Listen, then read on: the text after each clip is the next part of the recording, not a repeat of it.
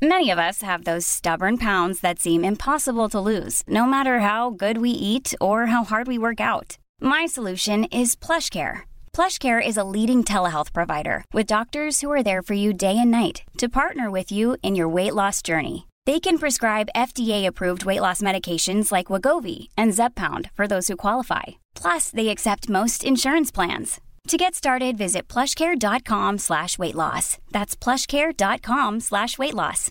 Flexibility is great. That's why there's yoga. Flexibility for your insurance coverage is great too. That's why there's United Healthcare Insurance Plans.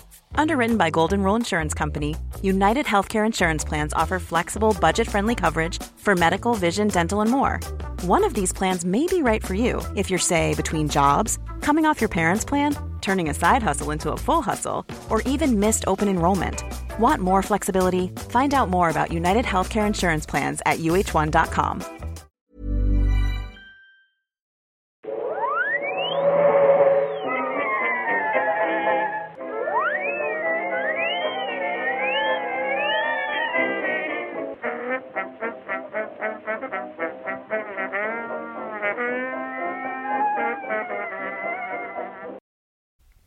Då börjar jag i stort sett bara. Hej och välkomna till Nörden jag, jag som är nörden Fabian Lander. Och det är jag som är jag, Viktor Engberg. Det här är podcasten i samarbete med Acast. Vi pratar nördämnen, nördkultur i slags bildande syfte. Jag försöker bilda Viktor i saker han tycker om men inte vet så mycket om. Och idag är en bra dag. Idag är en bra dag. Idag, idag, av, idag är ett avslut. Det har varit en, en hektisk månad. En sån här, en riktig temamånad. Ja, nej men jag, jag tror inte jag har varit med om en sån här, en sån här maratonmånad som, som nu. Jag har aldrig, tror jag, konsumerat så mycket film och serier inför någonting som det här. Jag önskar jag kunde säga detsamma. Jag har inte varit riktigt lika påläst om man säger så. nej du, du, du har nog sett mindre än någonsin. Ja, faktiskt. Jag kollar min letterbox. Jag har typ sett tre filmer den här månaden. Ja, så att det, ja, det är en intressant kontrast. Nej, det har bara varit jättekul att bara se om massa saker och läsa om massa saker och se, se nya saker framförallt. Eh, har varit superkul. Det här är då Noirvember och det här, vänta nu. Vilket datum är det idag? Det är den första december. Oh shit, okej, men vi spelar in det här nu. Är det inte alls det? Det är faktiskt den... eh, Nej, den det är fortfarande november. Ja, så det, är funkar fort- fortfarande. Woo! Det här är alltså Noir... Alltså, det är inte så att vi inte vet vilket datum det är idag. Det är så att vi inte spelar in idag. Nej. Ja, Okej, nu, nu förstörde nu vi dödar illusionen här. illusionen här att inte sitta och prata live. Tomten finns inte och allt sånt där. Um, Vilket han gör. Påskharen är en konspiration. Är det det han är? Ja, Eller? Jag vet inte. Nej. Ehm, nej men så det har varit november, som ni som är kanske bara droppar in och inte vet vad som händer. Så, så det är det vi har gjort, så gå tillbaka och lyssna om ni vill. Det, ni behöver inte, men, men det vore ju kul. Så för första delen pratar vi bara film noirs historia och film noir överlag. Eh, avsnitt två så pratar vi neo-noirer och sen avsnitt tre, då hade vi Sara här förra veckan och, och pratade. Ett riktigt bra avsnitt Det var måste jag säga. jättebra Trots avsnitt. att jag samlade ihop att jag typ sa åtta meningar i hela avsnittet. Ja, och du hade sett tre av filmerna vi Ja, pratade om tror jag. ja. Ehm, där, där listade vi våra favoritfilm noirer, som ni vill veta liksom vilka filmer man ska se eller vilka vi tycker mest om. Då ska ni lyssna på det. Men nu är det ju såklart, det här, den här, det här är ju inte endast en filmpodd. Nej, gud nej. Vi gör ju massa saker. Jag kan dansa också. det, om man vill. Inte riktigt rätt medie för det, men... Nej, Euro-referens. Det var inte jätte... Jaha, ja, den gick över huvudet på mig. Ja, jag märkte det. Ehm, nej men vi, vi pratar ju serietidningar också. Så då var det ju också ett ypperligt tillfälle att dra fram med lite noir-serier. Ja! Eh, för, för att det, sånt finns ju faktiskt. Och eh, det, då, då, det är klart vi måste beta av det för våra seriefans där ute. Vad, vad de ska beta av. Jag har ju faktiskt läst en serie. Det har du, och vi kommer komma in på det. Mm, Så, att vi, mm. så vi bygger upp mot... Viktor har, har fått läsläxa, och han gjorde det. Han, han, han läste den och, och, inte bara gick och läste typ en Harry Potter-bok eller någonting. Han faktiskt läste. Ja, äh, nej gud. Men jag, jag brukar göra läxorna, det gör jag ju.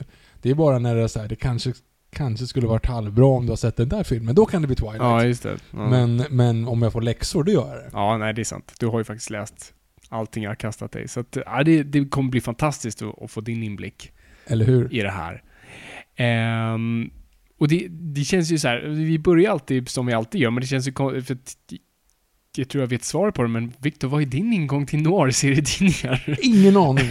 Eller, jo men det var, det var ett tag sedan. En, eh, en god vän eh, gav mig en läxa i och med att det här, eh, det här vi- podden vi har som heter Nörden och jag, att vi ska prata nörd, Ja, eh, nördämnen. Men då valde vi att hela november 2017 eh, engagera oss kring eh, film noir. Därför Mhm. fick jag en läxa till det sista avsnittet, ungefär för en vecka sedan, att läsa en eh, serie. Och det har jag gjort. Ja, det, ja, det var min gissning. För du har ju läst, läst mer liksom Knasen och mm, 91an och... Nej, 91 har jag aldrig riktigt varit inne. Det är liksom 91 Åsa-Nisse och Kronblom och de här. De har liksom Ja. varit, de har funnits lite grann där i bakgrunden men aldrig varit något riktigt fan av. Mm. Det är liksom buskis i ten, tennis, nu går det bra. Eh, tidnings... Penis? Nej, jag skulle säga tidnings... For, Penis? tidningsmedie skulle jag säga. Det blev tennis. Oj. Ja. Ring Freud. Eh, men det är aldrig riktigt fastnat- för det. Men däremot Knasen, ja. Larsson, ja. Eh, Mm. Ernie, jätte ja. Mhm. Serieparaden när den fanns. Jag tror den finns igen, men det är inte riktigt samma sak. Förut var det bara typ Kalle Åberg, men nu nej, jag vet inte Får fråga Johan. Det kan, han var i Ernie väldigt länge. Mm. Eh, han var fantastisk under Vanlo-tiden, det vill säga när han gjorde sina serier, de här, alltså differentierade bara liksom olika Vanlo-serier, Mm. de stora rutorna liksom. Helt jävla grymt. Jag har eh, så många i mitt huvud här som jag bara vill liksom prata om. Eh, de är ganska visuella. Mindre, ja, men lite mindre bara när han gjorde Bob Henry. Så, läser du Bob Henry någon gång? Nej. Nej, var han en, eh, en man som satt hemma och läste serietidningar med en talande pingvin. Och det blev liksom genomgående hela. Ja, det var, då tappade jag det lite grann. Men det var också Ja, innan okej. man liksom förstod att det är typ en allegori för han själv. Ja, just det. ja, nej, vi älskar Johan i, i den här podden och allt, han är alltid välkommen tillbaka. Gud ja. Ehm, ja, nej men jag, jag kan inte riktigt heller tänka faktiskt att jag läste, jag läste knappast noir-serien när jag var barn. Eh, jag läste Karanko Company, det var ju som vi har sagt här. Uh, Stålkalle. Stålkalle, men det var ju mer, alltså det var ju så här typ cyberpunk superhjälte-grej. Det var väldigt avancerat. Eh, och kul. Men det enda jag kan komma att tänka på som är lite så nära, det är typ Fantomen. För Fantomen när han ändå rörde sig bland folk hade ju en trenchcoat och en Fedora-hatt på sig. Men också sin lila kostym. Ja, den var ju blå, den, den vi hade. Var den det? I Sverige är den blå.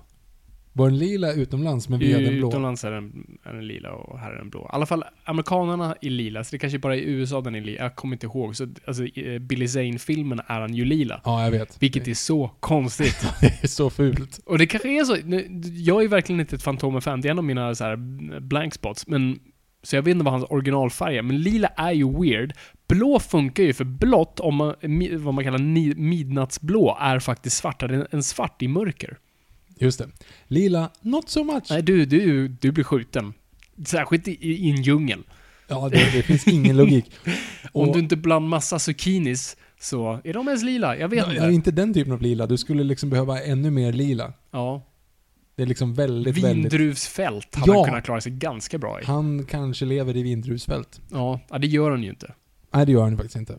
Så att... eh, Men även är blå död. är ju lite mysko, för det skulle vara samma dräkt, typ.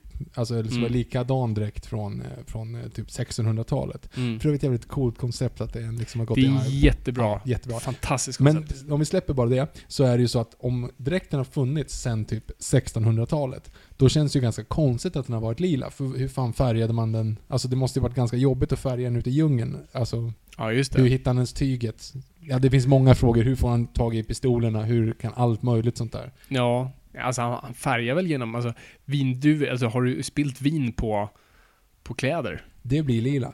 Han kanske hade en vit dräkt. Det Yes. första han gjorde. Middag hemma med familjen liksom. Mm. Han håller på, det det är tio minuter tills de kommer och ska bara ställa upp liksom, hälla upp den här vi- och så bara gdunk. Ah, Skit, skit, skit, skit, skit, skit! Och så står det och gnuggar. Vad är det man gör? Salt och soda, vatten, vad, hämta, hämta saltet! Och så står man där och... Ja, precis. Det funkar faktiskt, jag har testat det. Salt och sodavatten. Ja. Mm, mm, mm, kanske. Eh, men då kan man ju vara så att han tog av sig hela sin vita dräkt, Mm. sin vita spandex, la den i diskon och du vet, försökte så här, du vet, gugga ut det det. liksom alltihop. Bara Men det visade sig att det bara blev värre, så att allting blev lite, lite, lite lila istället. Bara skit, fly förbannad, skyller allt på frugan, det blir dålig stämning, barnen gråter och julen är inställd. Ja, Och efter det gick han runt som den mörka hämnaren och... det kanske är så ursprungligen det blev. Där har vi... Det kanske är det hans origin story är. Jag kan inte Fantomens riktiga origin story, alltså den första. Den allra första Fantomen. Mm. Inte jag heller. Jag hoppas att vi gör ett, äh, ett Fantomen-avsnitt någon gång. Det är ju ganska mycket att backtracka. Väldigt mycket. Och det är, det är ett par filmer va? För det var, det var den här uppföljaren som gjordes var med, det, när de var, såg mer ut som en Power Ranger. Var det inte det? Jag tror inte jag Jo, sett. ja, det, det är något sånt där. Att det är någon robotdräkt då istället. Det är något helt förjävligt. Utan Men- Billy Zane. Men Billy Zanes film, jag hade den på VHS, jag såg den ganska ja, mycket. vi såg den Men den är hemsk. Alltså i efterhand. Kommer du ihåg storyn? Nej. Det är samma som Justice League.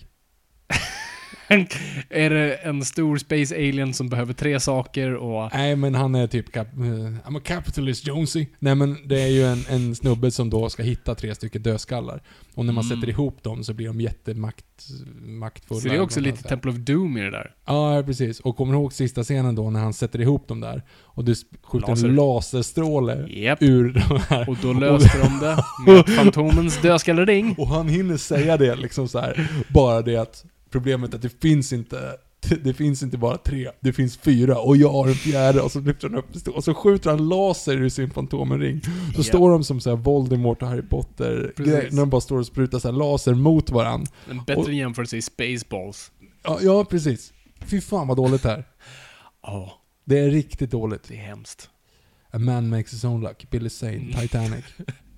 Stackars Billy Zane. Vad hände med honom? Det är jättekul att kolla hans uh, IMDB-credit. Jag, eh, Jag, jag, man blir ledsen av det. Ja, fast det är lite småre. Kolla bara allt han har gjort sen bara så här, 2012. Det är typ 300 filmer och du har inte hört talas om någon av dem.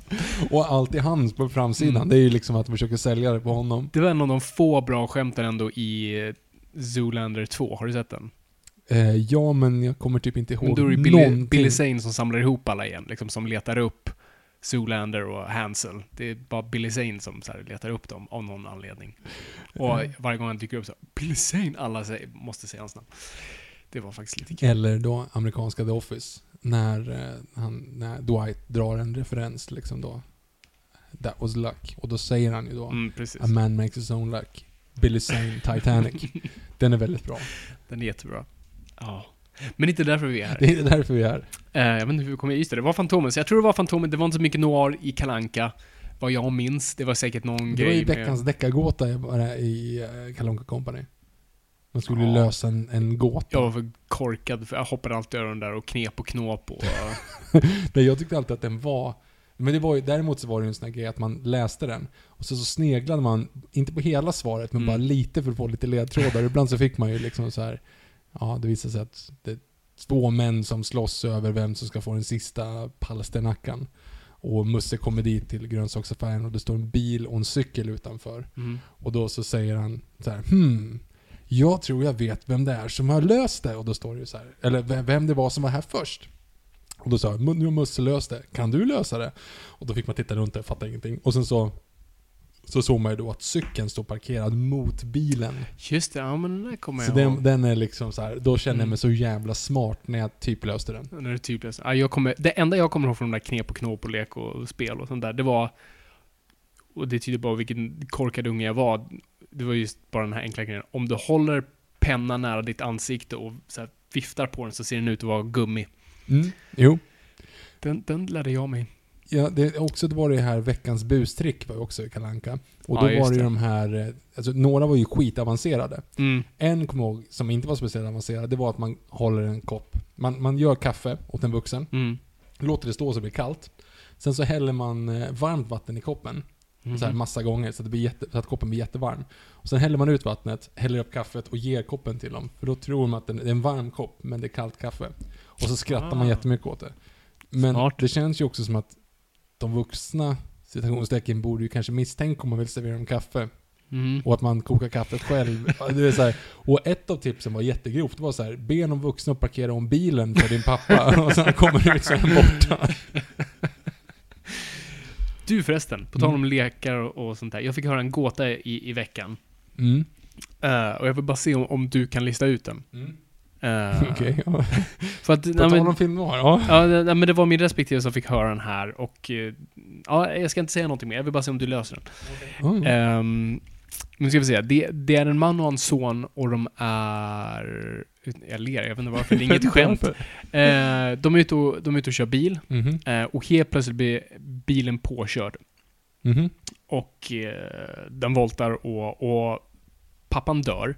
Men sonen klarar sig, men han är enormt skadad. Mhm. Så han, en ambulans kommer jättesnabbt och, och kör sonen till sjukhus och eh, tar sig in till, till akuten där då eh, en, en doktor rusar fram och eh, precis när, när när doktorn ska liksom börja så, så, så, så säger doktorn Nej, vänta.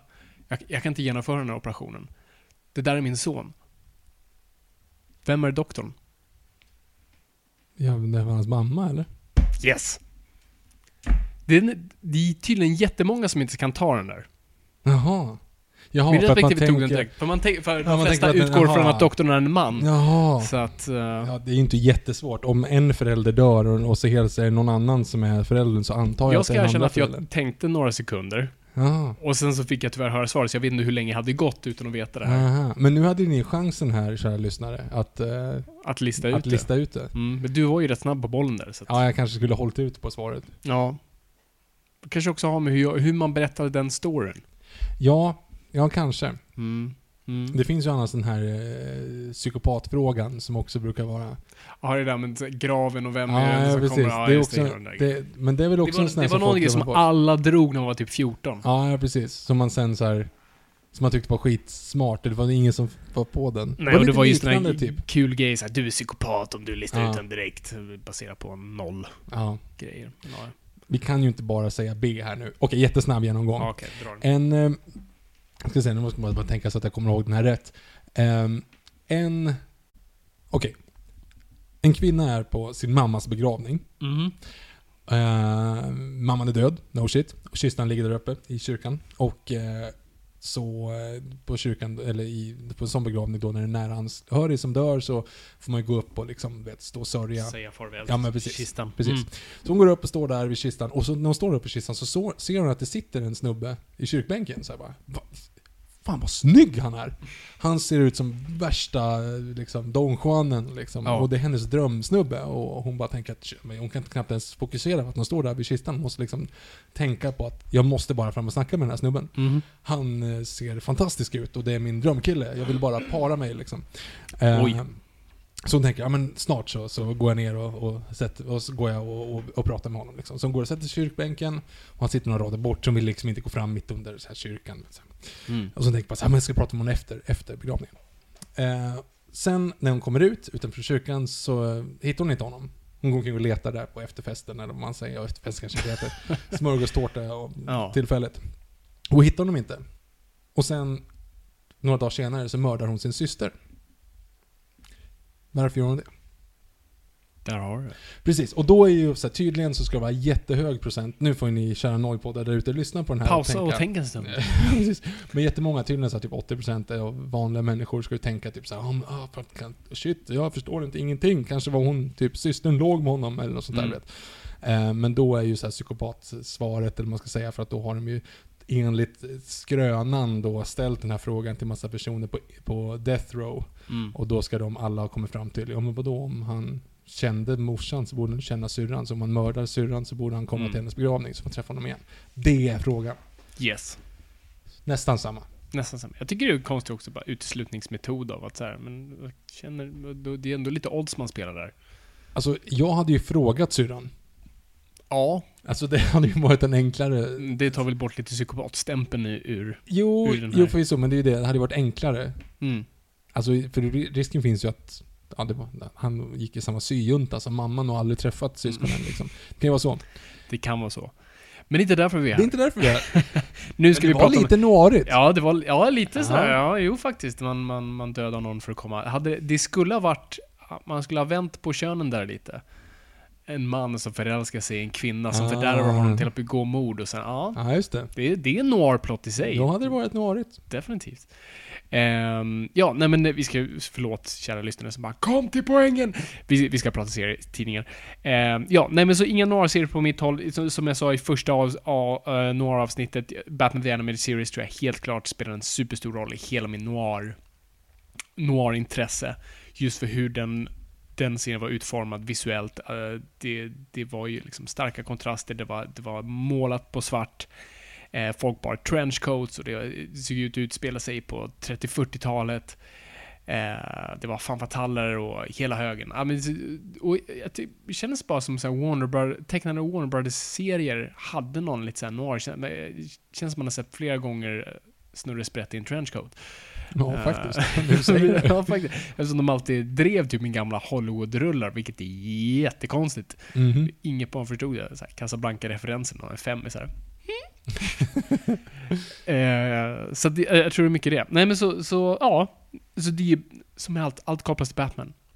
Ja, jo. I ditt fall i alla fall. I mitt fall. Och vi kommer komma in mer på det. Men jag tänker, så egentligen det jag vill göra, göra nu, jag tänkte först bara, alltså var kommer det här ifrån? Eh, noir-serietidningar, vad, vad, vad är storyn bakom det? I, i, i klassisk Noipod historielektioner. Och det är svårt att pinpointa. ehm, det jag tror det främst kommer ifrån, det är för att jag inte är en expert på egentligen pulp-genren. Alltså gamla, billiga, små, snaskiga tidningar från 30-40-talet. Alltså vi är nu innan superhjälte-eran, när, man, när serietidningar började plocka upp fart. Det var ju i och med depressionen. För att då vill ju, alltså, det var en tid då folk inte riktigt var superpigga på att läsa Dostojevskij eller något sånt där. liksom, Anna Karenina kanske inte var det folk såhär woo! Eh, utan man, man ville se snaskiga saker. Man ville, alltså ren eskapism. Och det är där pulp-tidningar kommer in i det hela. Det var allt ifrån lite erotiska grejer till sci-fi, till crime. Eh, och det är där som superhjältegenren kommer ur. Alltså, Batman kommer ju från, eller föds i Detective Comics. Eh, så det är inte att Detective Comics var döpt efter honom, The World's Greatest Detective, utan snarare tvärtom. Och Så det är där det tar fart och det är en del av en stor genre och jättemånga noir-författare, alltså Raymond Chandler började skriva pulp-tidningar, alltså hard crime. Eh, och de var superpopulära. Sen tog ju superhjältemarknaden över, men fortfarande, alltså marknaden var ändå så pass bred så att, så att många äldre ändå läste såna här hard crime-grejer. Det är ju inte förrän Fred, Fredrik Wortham dyker upp igen. Comics Code. Precis. Eh, Kolla, jag när hans. Seduction of the Innocent och Comics Code dyker upp då man inte får publicera sådana här grejer för det ger barn dyslexi. Ehm, så att eh, de här försvann ju och började matas ut med tiden. Eh, för att de var ju väldigt våldsamma. Det var ju det som var lite grejen med dem. Men det fanns väl alltid eh, någon slags, alltså, lite mildare eh, detektivstory som publicerades. Men sen när hela, hela den fasen väl gick ut så, så började sånt produceras igen. Och eh, ja, alltså nu i modern tid, alltså allt kan ju publiceras. The Comics Code existerar ju inte längre och nu kan man hitta massa godbitar. Men har inte vi The Comics Code på den här podden? Jo, vi, vi satte den loggan där. Jo, så att det är ju lugnt. Ja, jo, precis. Det är ingen som kan stämma oss för i alla fall. Det är mer därför vi har den. Ja. Och vi kan ju inte riktigt säga med gott samvete att vi är under i, i ramarna av The Comics Code. Nej, kanske inte. Men det är ljud också, så det är Ja, det, allt det där är är lugnt. er snuskiga fantasi. Det är som vi berättade om i första avsnittet med den här cen- censurbyrån. Mm. Just med och regissörens försvar då var ju så här. Men jag vet inte vad du tänker på. Lite den grejen. Det är din Ja. fantasi, det är inte min. Så, så jag tänkte egentligen bara nu eh, dra några av mina favorit serier och ge folk kanske ett litet liksom, så startkit. Det till- låter, tycker jag låter jättebra. Ja, så, så, så var ska man börja någonstans? Och så kommer vi in på vad du har läst sen, Viktor. Ja. Men, men jag har valt ut bara några favoriter här. Och eh, så, så var börjar man? Jag, jag, tror, jag tror i bäst hörna att börja är med Ed Brubaker. Som är nog kanske min, eh, en av mina absoluta favoriter när, när det kommer till serietidningarna. Han, har ju skri, han, han är ju främst känd för hans Captain America. Eh, vad ska man kalla Vad kallar man det? Tolkning? Ja, ja, men han, ja, hans Captain America illustration? skrivning. Ja, vad kallar man det? Runs säger man på engelska. Det är så mycket enklare med vad man säger på svenska. Eh, han skrev Captain America ett bra tag. Han, eh, han kom på The Winter Soldier. Han var den som tog tillbaka Bucky från döden. Och det var han som framförallt skrev då storyn Death of Captain America. Uh, och han har skrivit uh, Batman, vilket jag tycker är en av de bättre Batman-storyna. Eh, uh, men vad han är främst känd för nu, det är ju någon som skriver hårdkokt noir. Han är verkligen the king of noir. Um, och eh, det finns så många grejer att välja mellan. Han har skrivit jättemånga, han har skrivit serier som, som Criminal, Incognito, eh, nu senaste Fade Out som är, som är riktig, alltså crème de la crème noir. Verkligen har en, en manusförfattare på deki som blir anklagad för brott han inte har begått. Alltså det har hela, hela den grejen. Och den är så väl researchad. Han hade en researcher anställd på heltid som var, var tvungen att hjälpa honom med att få fram allting. George R. R. Martin har två. Ja, just det. Det är väl så här gamla fans, de som typ drev hans fansida som han började anställa. Jag vet inte vilka de är, men det är ju ganska roligt att han måste ha två personer för att hålla koll på vad han själv har skrivit. Jo, han säger väl det själv. Han kommer inte ihåg vad allas ögonfärg är och skit. så han måste ringa dem och bara "Du, vem- Daria, Daria Gento eller på att säga. Det är en regissör. Um, Darian Harris, vad, vad, vad var hans storlek på? Hår. Ja, ja, ja, nej. Han hade ju blått skägg, Ja, just det. egentligen. Men inte direkt i, eh, i serien. Nej, först såg han ut som du, fast eh, renrakad. Just det.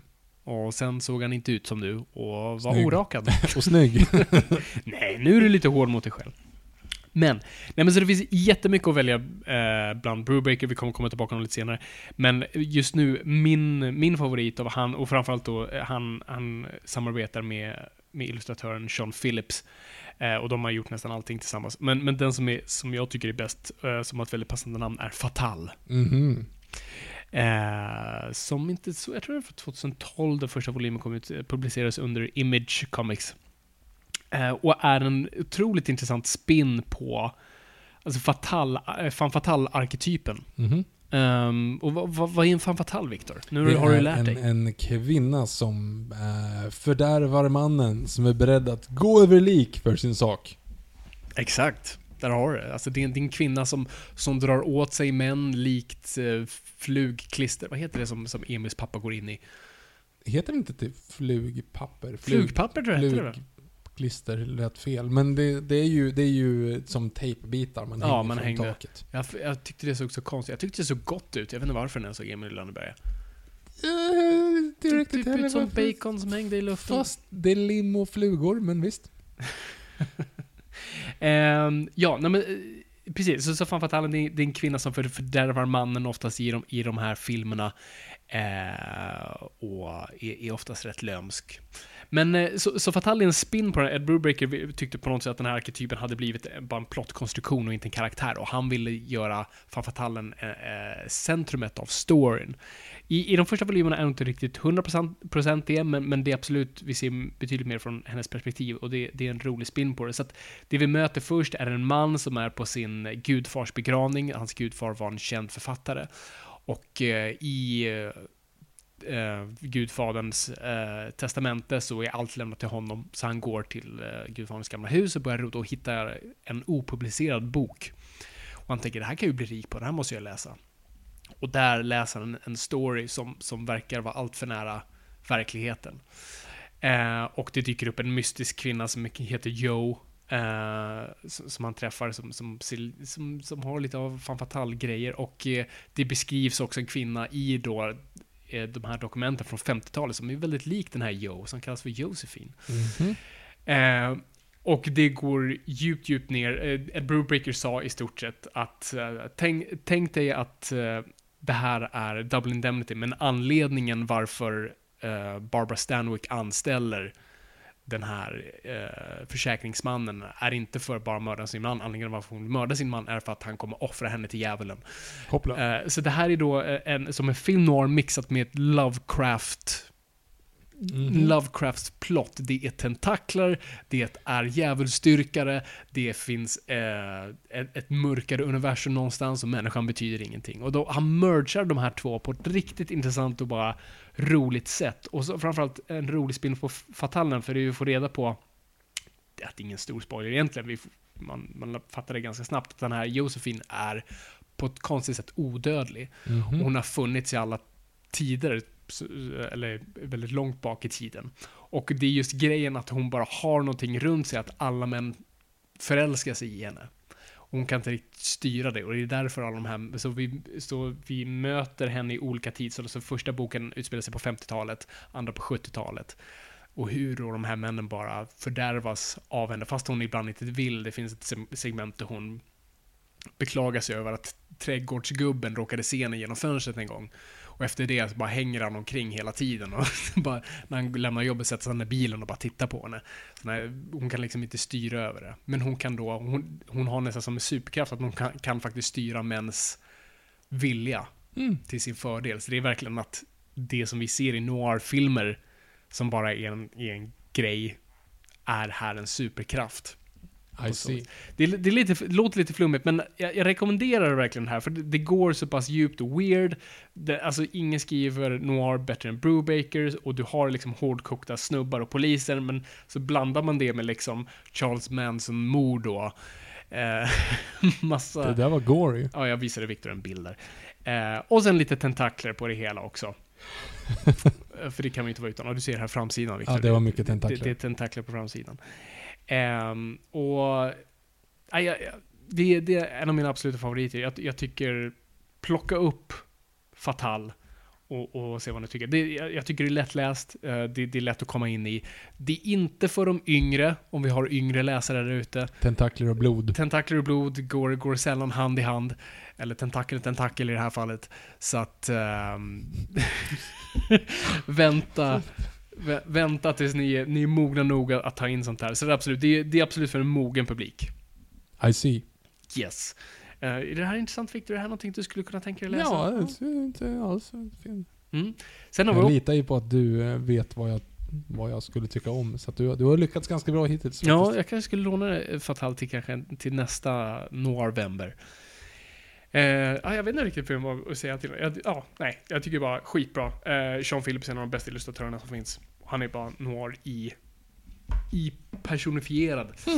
Ehm, sen, sen går vi vidare till också ett annat riktigt så här radarpar när det kommer till serietidningar. ehm, som har gjort mycket tillsammans och framförallt gör mycket noiriga grejer. Och det är väl Brian Azzarello och Eduardo Rizzo. Som vi också kommer komma tillbaka till när vi pratar om en viss speciell snubbe.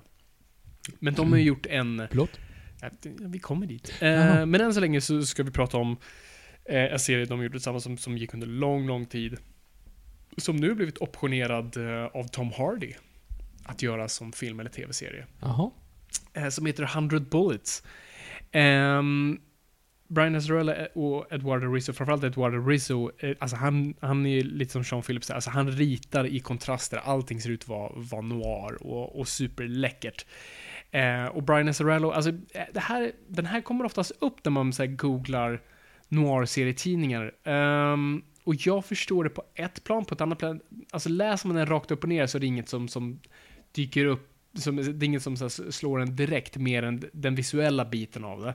Så Har att de jag, höga byxor? Eh, nej, det här utspelar sig i modern tid och, och, och första delen av boken eh, utspelar sig liksom i gettot, där det är väldigt låga byxor. Ehm, så... du, det var som att du satte upp det där för mig, tack. Ja, ja, det är bra. Eh, Det är liksom, man chippar upp precis i volleyboll och du kan hoppa upp och smasha. Precis. Men det är, en, det är en väldigt bra premiss. I, i, I första boken är det mest, alltså det, det är runt samma grej, men det är mer små stories eh, som connectas via en då grej. Så, så i alla de här stories så öppnas det oftast med att en person så, som är eh, kanske på, på, vad ska man säga, hamnat fel i samhället, han har hamnat fel överlag. Är, är kanske i botten av tunnan så att säga. Kontaktas av, av en man i kostym som säger i stort sett Hej, jag vet varför du är i den situationen du är i. Eh, du har blivit sviken av en eller flera personer, antingen då att du blev ditsatt eller du blev av med din familj på grund av den här personen och allt sånt där. Här har du en väska. I den här väskan så finns det en pistol och hundra kulor till den. Dessa kulor är, eh, vad kallar man, untraceable. Ospårbara. Ospårbara. Ehm, du kan använda dem precis som du vill. Eh, jag kommer inte lägga någon värdering vad du gör med dem, men här har du all information på den personen som du antagligen vill döda. Gör vad du vill med den informationen. Eh, du, har, du är nu ovanför lagen, gör vad du vill med det. Hur är den ovanför lagen? Nej, men den här pistolen kan inte kopplas till, till, till personen som bär den. Aha. Så den kan begå brott. Han kan ju Mm. fortfarande bli sedd. Ja, du måste vara lite smidig med det, men, eh, men är du bara i alla fall lite duktig så, så ska det vara rätt lugnt. Mm. Så vi följer olika personer då i första boken, eh, vad de gör då med det här ansvaret. Om man bara går runt och mördar någon direkt eller om man, vad om man gör med det ansvaret. Eh, det tycker jag är en jättecool premiss. Eh, och just leka med hur folk, för det är inte också, alltså den följer inte bara rena mördare, utan det här är kanske en person, vi följer en person till exempel som ehm, han var på, på toppen av sitt game, han var eh, restaurangägare, hade familj och barn och alltihop. Och en dag vaknar han upp med att han har barnporr på sin dator.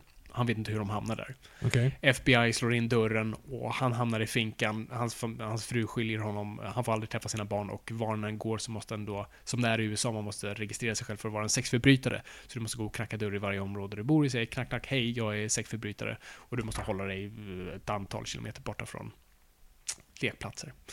Så hans liv är förstört, han driver bara, eh, eller jobbar på en sån här sketen äckelbar där det bara sitter massa alkoholister och sånt där. Och då blir han då kontaktad av den här mystiska personen med portföljen och säger Hej! Det, det är en kvinna som, eh, som satte dit dig av ingen anledning alls. Eh, här har all information på henne och här har du pistolen. Do as you please. Mm. Eh, och det, det leder till några intressanta vändningar.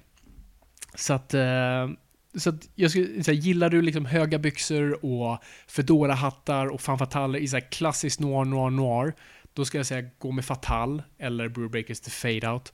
Jag skulle inte säga 100 Bullets. 100 Bullets är mer neo-noir, man, man, man gör en spin på det med snarare ett coolt koncept och premiss. Men eh, ja, det, det är inte vad jag skulle kalla klassisk, klassisk noir. Inga höga byxor helt enkelt. Inga höga men, men Brian Azzarello är oftast en riktigt bra författare när han inte skriver The Killing Joke-filmen.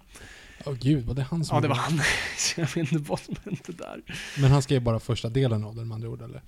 Alltså, Ja, just det. Det gjorde han ju För att sett, resten är ju liksom taget Rakt, tagen rakt av. Det är en så konstig film. nej, det är faktiskt inte bra alls. Det är, det är till och med Det riktigt som skulle dåligt. vara så här Mark Hamill, så okej, men jag, jag kommer tillbaka och gör rollen. Bara, bara om de gör Killing Joke så gör jag det. Och så får han det. Men visst har det blivit lite, liksom, lite skitsnack om den i övrigt också? Ja, Mark Hamill själv också var inte nöjd med den. Jaha, så så, han har ja. också sagt att så här, det var inte... Det var inte så bra. Batgirl och Batman alltså.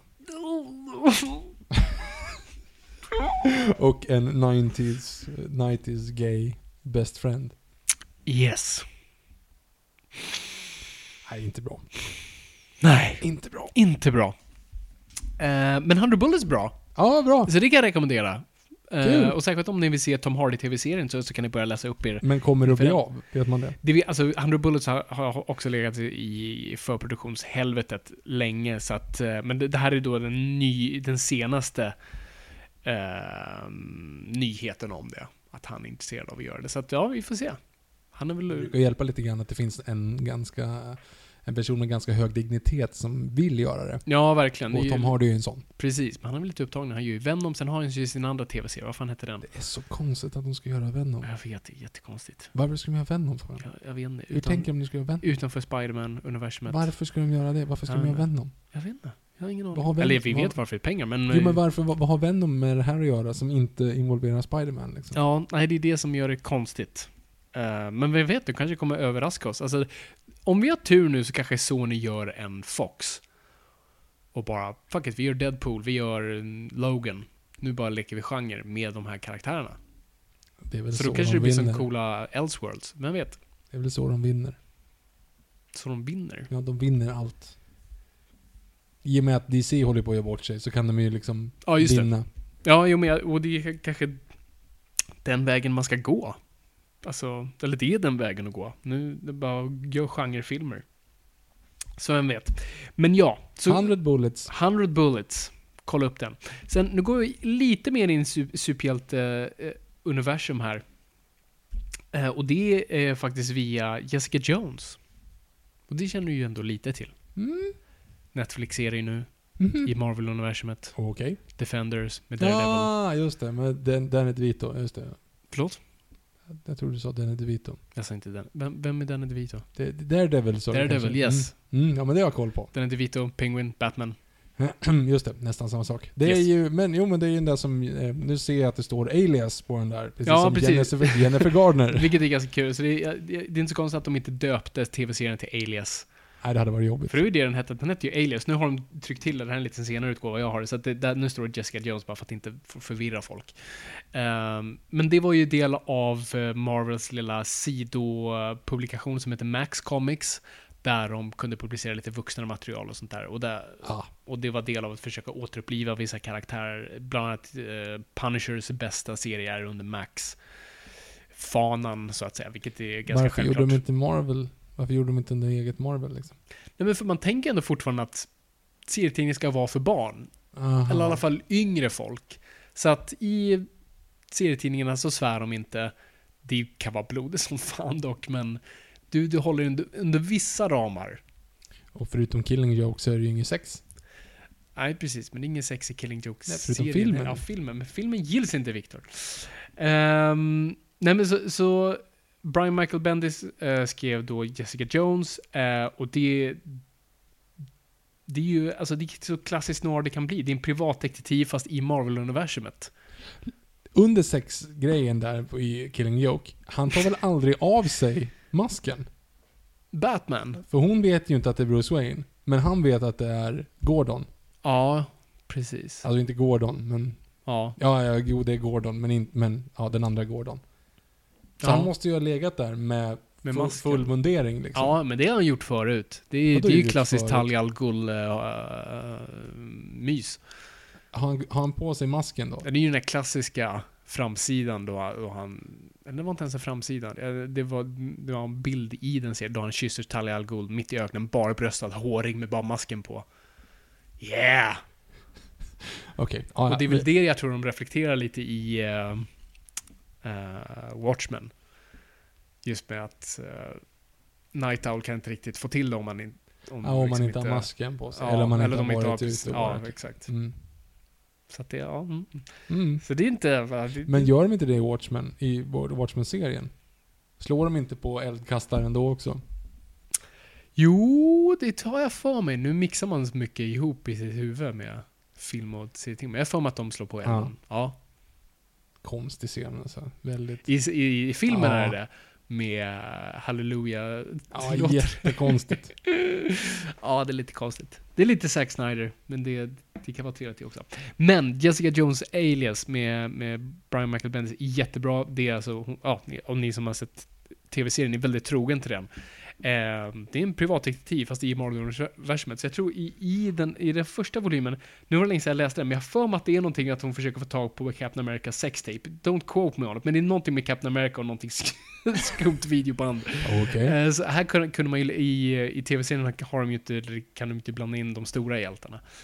Ehm, så här kunde de leka med, med universumet på ett ganska roligt sätt. Och, och det första numret i, i första volymen har ju samma inledning som Chinatown. Med liksom en man som kollar på sin frus otrohet via bilder och sånt där. Aha. Så den, den vet sitt arv uppenbart. Och eh, Jessica är en klassisk eh, noir-arketyp. Ja, ni vet ni som har sett tv-serien. Hon, hon dricker för mycket, hon har en tragisk bakgrund och bara försöker fly från det så gott det går.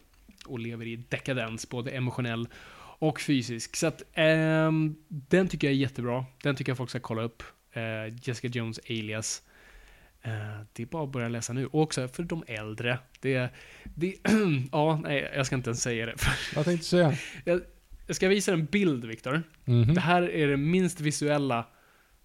Så, här, här trevlig på en krog, drar, drar hem eh, En man. En man, precis. Och jag låter dig bara tolka vad som händer här.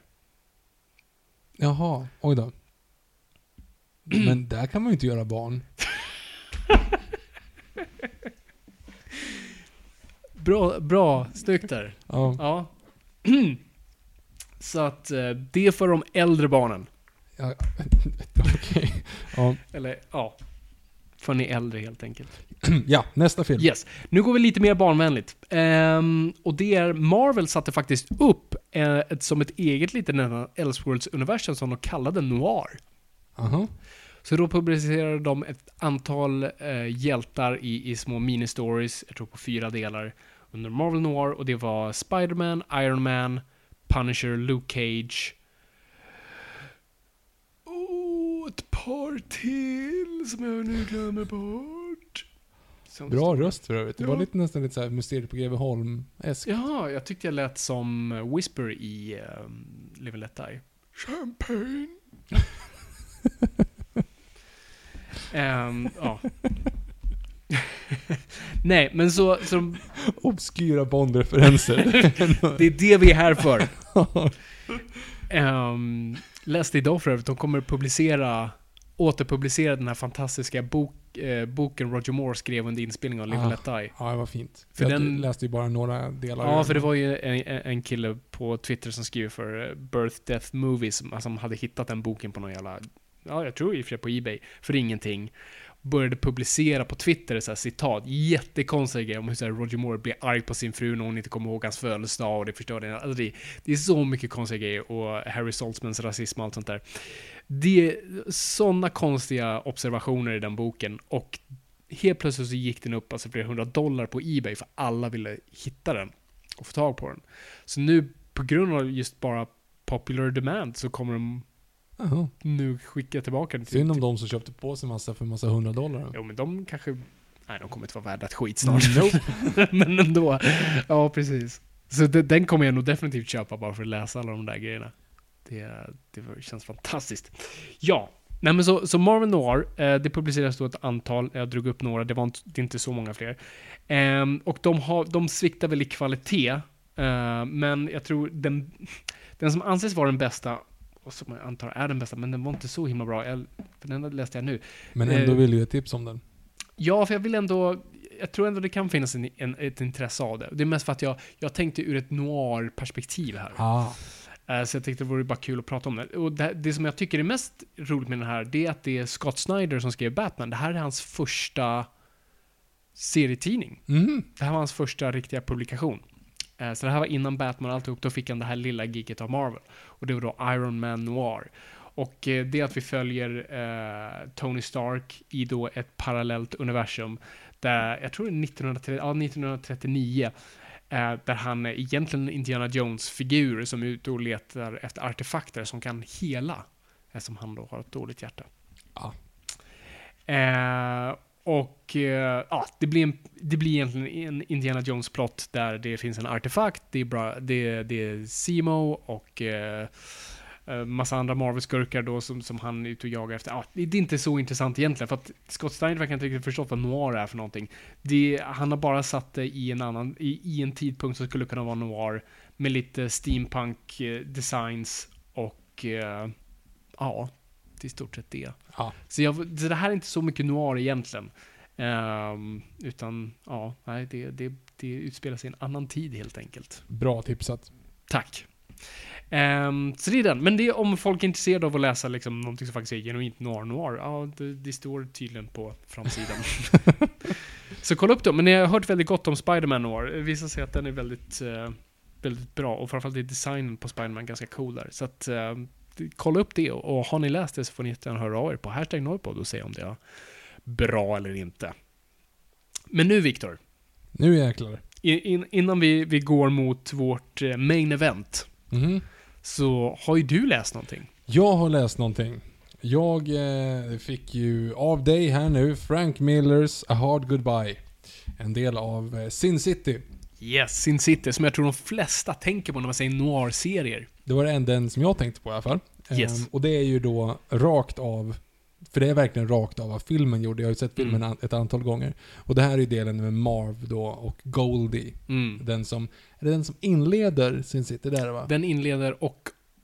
Nu ska vi se, vilken ramar de in det med? Nej, den kör de rakt ut. Den kör rakt av. Just och sen det så är det bara Bruce dock- Willis de slutar med. Och då är det ju bara en, en snabb recap att de träffar Marv i baren där va? Just det, precis. Och sen har ju, ja, just det, och den, hela ramas ju med Josh Hartnett. Ja, just det. Storyn, det är det jag tänker på. Ja, Men precis. Josh Hartnett har väl ingenting med den här att göra? Ingenting. Nej. Nej. Nej, precis. Nej men och det är ju det är ju lite svårt att recensera måste jag säga, för att det är ju Det är precis filmen. samma. Det är ju, det är ju filmen. Jag Ja. hittade typ tre bildrutor som inte är med i filmen. Ja, Annars nej. är allting rakt av. Alltså det är ju helt sjukt att de bara har tagit, alla bilder ser precis ut som de gör i den här boken. Mm. Det är helt sjukt. Ja, det är sjukt. För det, för det är att, alltså, ni som inte vet det, alltså på inspelningen av alltså Sin City, det fanns inget manus, det fanns inga storyboards, utan det var serietidningen. det är ju också jävligt maxat att man gör, är att man kaxigt. gör det så. Ja. Mm. Nej, definitivt. Alltså, och det är därför det är, det är ord för ord, det är näst, alltså 99% bild för bild. Ja, Nej, det, det är väldigt snyggt. Eh, det är ju några scener som sagt som, de, som är uteslutna. Och man märker typ direkt, jag vet inte om det är för att man har sett filmen så pass många gånger, Mm. eller om man tycker att ah, den här scenen var konstig, den skulle jag ha skippat liksom. Kommer du ihåg vilken det inte är med? Det var länge sedan jag läste Hard Goodbye. Det är precis innan de åker iväg och ska spöa Elijah Wood. Okej, vad gör de då? Eh, då, då, då de samlar ju på sig massa saker de behöver för att spöa Ja, honom. precis. liksom. Rep och... Ja, ja, precis. Och då precis innan de åker dit så sover de över på ett tjaskigt motell typ. Ja. Och då ligger Marv vaken och tittar på då Goldies syrra. När hon Mm. ligger och sover typ. Och så ser man utif- utzoomat utifrån när han typ så här, Eller hon säger typ så här: nej Marv, gå och lägg dig, han var okej. typ. Bara, va? Var kom den ifrån? Det har ingenting med det här att göra liksom. Och sen klippte något nytt liksom. Ja. Eh, så att det var, det, en, det var den enda scenen, och sen jag en replik som jag inte kände igen. Ja. Annars, annars är allting precis taget ur filmen. ja. Vilket är sjukt. Ja, det är ganska sjukt. Vad, ty vad tyckte du då? Alltså, Alltså- bara nu som, för här har vi ju ett medie, så en story som, som egentligen är exakt samma sak i båda medier. Vad tyckte du om att läsa det? Nej men jag tycker att det var väl, det är intressant. Det är ju en helt annan, på något sätt, man ser ju bara Mickey Rourke. Mickey Mm. Rourke är en jättebra casting uppenbarligen mot filmen. Vi kommer Mm. prata Sin City i något framtida avsnitt, så vi Ja, ska vi hålla- kommer ett hålla helt igen det här. sinnsitt avsnitt. Men, men en grej som jag, som jag tyckte var intressant, som jag inte tänkte på när jag ser filmen, det är ju Mm. att Marv helt plötsligt blir typ en sympatisk karaktär som ändå typ älskar att tortera människor. Du vet, det, Ja. blir helt mysko. Men hans, ehm, hans motiv är ju lite mer klara bara. Mm. Och det är konstigt i och med att det är samma, men man kanske Ja. tittar, stirrar sig blind på Mickey Rourke liksom. Men hans, det, för er som inte vet, då, det är ju en man som eh, en, en väldigt ful och brysk man som Mm. då får eh, eh, sällskap en natt av en väldigt vacker kvinna. Mhm. Eh, och han, det enda tre, fyra första sidorna berättar han bara så hur, vacker och fantastisk och hur lycklig han är för det här. Att det är helt Mm. sjukt att hon har valt honom. Vaknar upp dagen efter hon är död. Eh, och eh, hon har uppenbarligen blivit mördad för att det, poliserna kommer innan han ens har vaknat. Precis, Liksom. så han är ditsatt för Så han mordet. förstår att, alltså, okej, det är inte jag i alla fall, för det är någon som vet om det liksom. För han var så full så han kommer inte ihåg vad som Mm. hände. Och då i alla fall så, så går han ut på den här kampen att sätta dit hennes mördare. Och det man tänker i filmen, eller det man tänkte tidigare, eller man liksom inte så, då är det bara så här, okej, men, ja, men han, han är arg typ. Men det blir på något sätt något helt annat Mm. när man i, nu när jag läste om den, för det är så här, han är ju en utsatt person. Han är ju liksom Quasimodo. Och helt plötsligt kommer den här es vackra Esmeralda liksom och ser Mm. honom. Och tar han, eller på något sätt liksom, han uppmärksammar honom och, och till och med pratar med honom och tar hem honom liksom. Så han är ju helt frälst, att någon överhuvudtaget bara engagerar sig i honom överhuvudtaget. Mm. Sen då, så blir han ju så pass förstörd när hon dör att han ska bara ge sig fan på att gå ut och hämnas henne. Och sen halvvägs genom boken får man reda på att hon är prostituerad. Mm. Eh, men han bara, "Ja, fuck it, hon valde ändå mig. Liksom, så det, det är liksom så att, att han tror först att hon är kär i honom. Mm. Vilket den uppenbarligen inte är. Men efter halva boken då när han inser att den inte var kärlek, då sa jag fuck it, jag, hon var ändå så pass snäll liksom. Mm. Så att han har liksom den här Eh, han är ju dödsdömd från början då i och med att hela sin city letar efter honom. Du vet, den här, och det är fan fatalen, kvinnan Mhm. som fördärvar mannen, du vet Mm. hela den. Och eh, han ger sig ut på en, ett, en resa som han vet som kommer liksom att fördärva Ja. alla. Men han gör det ändå, för att han gör det på grund av, man ska inte säga om det är kärlek, men just den här grejen att det var Mm. någon som faktiskt brydde sig om honom, så att nu kommer han göra allt ja, för den personen. det. Ja, Fast han bara umgicks med henne i typ några timmar. Exakt. Ja, men det är kul, just som du säger, man, och jag håller också med, man får en helt annan sympati för Marv i, i serietidningarna än, än i filmerna. Um, och det är väl kanske lite för, för i en serietidning så bestämmer du själv, alltså du vet inte hur någon uttalar någonting. Nu är ju Mickey Rourkes röst absolut där, men jag tror ändå en, en själv tar över ganska mycket, att du läser in emotioner och motiv och allt sånt där bakom någonting. Och det är det, det jag tycker är så kul, hur serier kan vara så subjektiva på så vis. Du bestämmer tempot. Både i form av faktiskt tempo, men också tempo i en karaktär. Uh, och det, det, det, vad du ger en serie får du så mycket tillbaka. Det är det som är så kul med dem. Men eh, jag rekommenderar den. Alltså, det är också som sagt, det är svårt att veta om den är bra eller inte Mm. eftersom man har sett filmen. Men eh, det var underhållande i alla fall. Hur tycker du den är illustrerad då? Alltså det är ju väl, alltså det var Miller är ju några gånger speciell. jag inte riktigt fattade vad som hände jag ska vara ärlig. Ja, det, för det finns ju några ingen så grått. Alltså det är nej, ju det finns några fighting-scener som är Mm. helt... Alltså, jag ser ingenting. Alltså jag fattar inte alls vad det är som händer. Nej. Ehm, man vet inte vem som är vem och vad som är vad och vem som gör vad. Men, Ja. men det är väldigt mycket sånt. Ja, för ni som inte har läst Sin City, alltså det är ju, alltså det finns inget grått i de här, alltså det är genuint svartvitt. Alltså det är breda drag, alltså han har, han det ser ut som han har ritat med en sån här Sharpie-penna. Eh, för det är bara svart på vitt. Eh, och ibland kan det bli, och när det är för mycket detaljer i en bild, då ser man inte ibland vad det är som händer. Nej men faktiskt. Ehm, nej, han har en väldigt speciell stil. Ja men jag rekommenderar det för att det är intressant. Mm, kul. Ja, jag, jag håller med. Jag, jag, jag, tycker den är, jag tycker den är jättebra. Eh, som, och det här är då den första volymen som kom och jag tycker det, det, det Var, var det här den första? Det är den första. Eh, första storyn. Ehm, och jag tycker det är bara en, ja, det, det sammanfattar den världen väldigt bra. Och Marv är en sån central figur. Och han kommer ju tillbaka i de andra serietidningarna för de utspelar sig i olika tider. Bland annat i den jag kommer prata om här som är volym 2. Där dyker han upp igen, så det utspelar sig då innan. I see. Eh, och det har vi även i filmen. Han dyker upp i, i Dame to Kill For-filmen som då är baserad på volym 2 som vi har här. Ehm, så att, nej, jag, ty jag, ty jag tycker den är bara en otroligt bra. Det är en bra noir-story.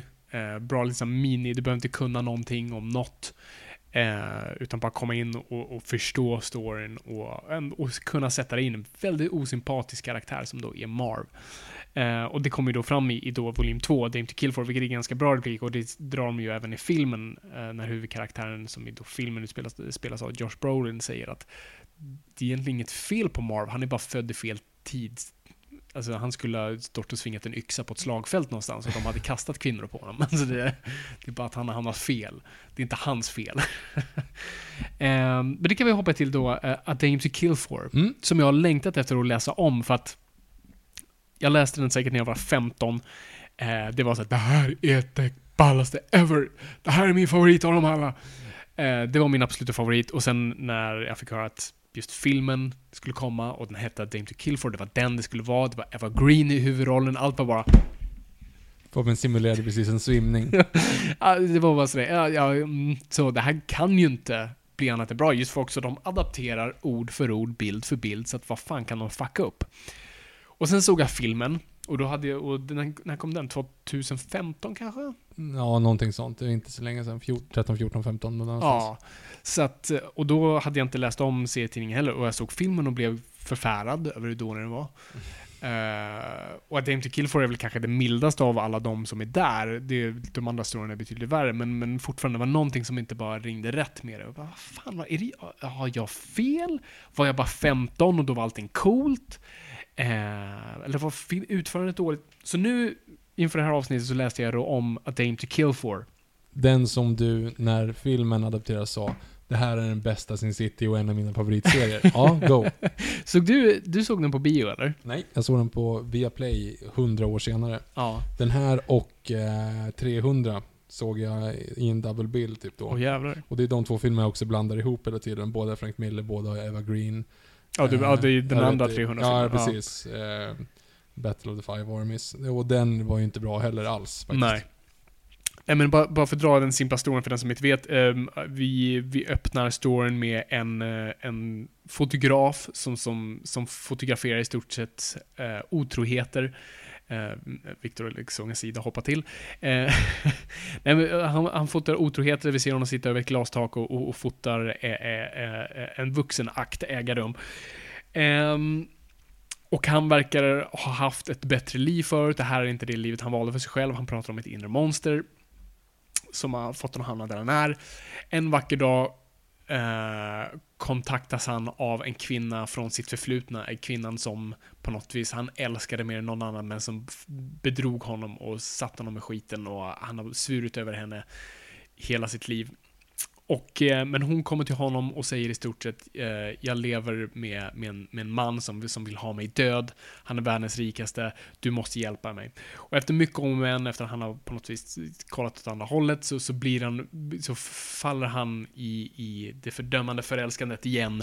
Eh, och ska då hjälpa hans ex. Jag sitter ju här nu och bläddrar. Mm. Det är otroligt mycket naket. Det, den är väldigt naken. Det, det, det är jättenaket. Um, för det är båda, av båda könen. Ja, ja, nej, det är för- naket i men, allmänt. men absolut, det är Frank Miller, så det, det, det är oftast kvinnorna som är mest nakna. Men ehm, Ja, så det, det är väl simpelt sagt storyn. Jag ska inte avslöja mer för er som varken läst eller sett filmen. Men, men, men så jag läste den nu, och visst, den var inte lika bra som jag minns den så, men jag tyckte fortfarande det var otroligt härlig läsning. Jag tycker den är otroligt bra berättad och uh, absolut, sexpolitiken åt sidan, bara som, som att läsa. Och det är Frank Miller, man måste alltid ha det i, på något sätt bakhuvudet bara, just det, Frank Miller. um, jag tyckte det var en otroligt kul läsning och, och, och jag gillar den som fan. Uh, och jag tror, här är just den intressanta grejen av hur vissa saker inte kan översättas från media till media. Alltså Sin City var ju det ultimata experimentet, det som Alan Moore alltid pratar om var omöjligt. Det är två helt separata medier, bara för att du båda är byggda på, runt det visuella så behöver de, de nödvändigtvis inte kunna översättas. Därav Watchmen var byggd att vara ofilmbar. Men jag, det, jag gillar ju Watchmen, men... Jag gillar också Watchmen för dess brister, men, eh, men, men det är fortfarande en bra film. Um, och det roliga, alltså Robert Rodriguez gjorde ju det omöjliga genom att adaptera någonting rakt av utan att ändra något. Och det blev väldigt bra i då den första Sin City. Men det var någonting med den andra som inte fungerade. Och det var det jag tänkte nu när jag läste också, på att det är någonting i översättningen som inte funkar. Och jag, jag kan fortfarande inte sätta finger på det. Men det är just någonting jag tror lite med Alltså som sagt, den är väldigt sexig. Alltså det är väldigt mycket sex, det är väldigt mycket... Ja, det är det det kretsar kring väldigt mycket. Och jag vet inte varför. Det bara funkar inte i en visuell... I en rörligt visuellt, som det gör här, på något mm. sätt. Jag vet inte varför. Jag vet inte heller. Så att, jag tyckte det var jätte... Nej, jag tyckte det var kul att läsa. Jag har inte läst och, och för, det, för jag tror vad jag gick igång på den också, är just alltså det är så klassiskt noir det bara kan bli. Här har du ju genuint fan fatalen som alltså fördärvar mannen till till en blodpöl bokstavligt talat. Eh, och sen en hämndhistoria som, som föds ur det. Och du har liksom eh, snubben som fotograferar och, alltså, alltså du har så mycket noir-komponenter här. Marv återvänder också. Och Marv är ännu gulligare än här och ännu mer våldsam. Men här är han väldigt söt. Eh, för här får han spela en biroll eh, och det är väldigt kul. Så att, ja, jag vet inte. Det, det var otroligt bara konstigt. Så att vi kommer göra så här. Vi kommer att ha ett Sin City-avsnitt. Okay. Jag vet inte när. Kommer det komma någonting som ens kan knytas till att det skulle vara aktuellt? Kan, uh, nej, det är över tio år sedan den kom. Uh, det skulle vara typ nästa Noirvember. Ja, det är typ ett år kvar. Det är långt. Men, ja, vi får se. Uh, men det kommer absolut bli av. Uh, och då kommer du Viktor ha läst A Dame to Kill For. Det borde jag gjort. kommer se, eller vi båda kommer se filmen och så ska vi på något vis försöka dissekera vad det är som gick fel. Mm. Det blir bra. Men, eh, men hur som helst, alltså Sin City överlag, jag tycker det är en otroligt rolig läsning. Eh, det gäller bara att förstå vad Frank Miller är och vad det är han gör och att det är hans huvud. Och eh, man kan ibland känna sig typ medskyldig genom att bara läsa det. Men jag tycker det är någonting bara fantastiskt med Sin City, för det känns så jag tror det är för att det känns så genuint komma ur en konstnärs själ. Det är så Frank Miller, han gjorde allt det där 100%. Han har ritat, han har skrivit det eh, under Dark Horse. Det är bara han själv, han gör precis som han vill, berättar sin story från sin hemstad. Och han bygger sitt egna universum. Vart är han ifrån? Basin City.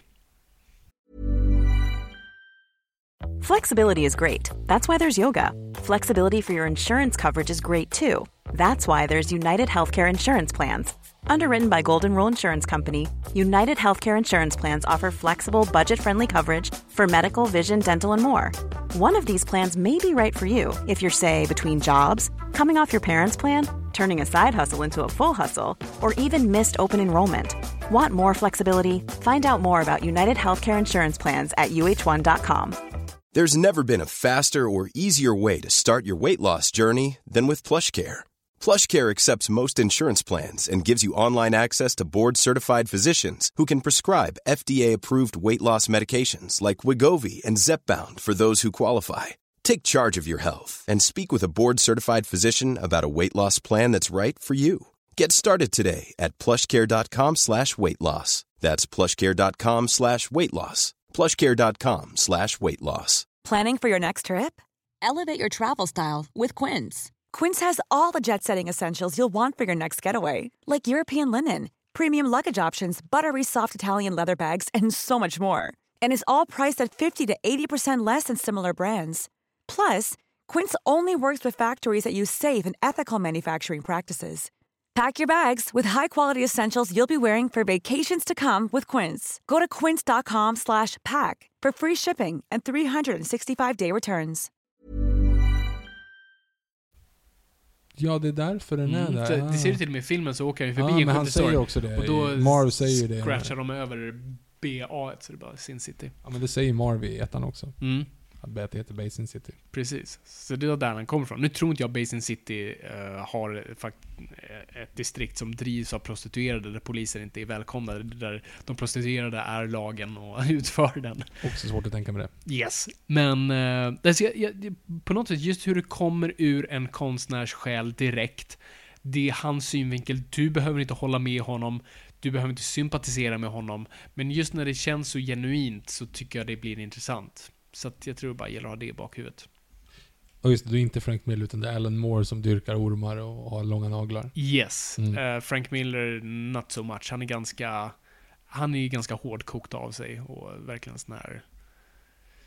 Vad ska man säga? No bullshit person som sitter i en Fedora-hatt och bara grymtar. Ja, en sån. Vilket är lite Alan Moore också. Men ja, nej, han, han, är, han är inte en I see. ormdyrkare. Ja. Men Viktor, nu kommer vi till the main event. Jag För vem är den ultimata noir-serietidningskaraktären? Robin. Roligt Viktor. Roligt. Eh, Skarpt. Skarpt där. Nej, men det är ju Batman.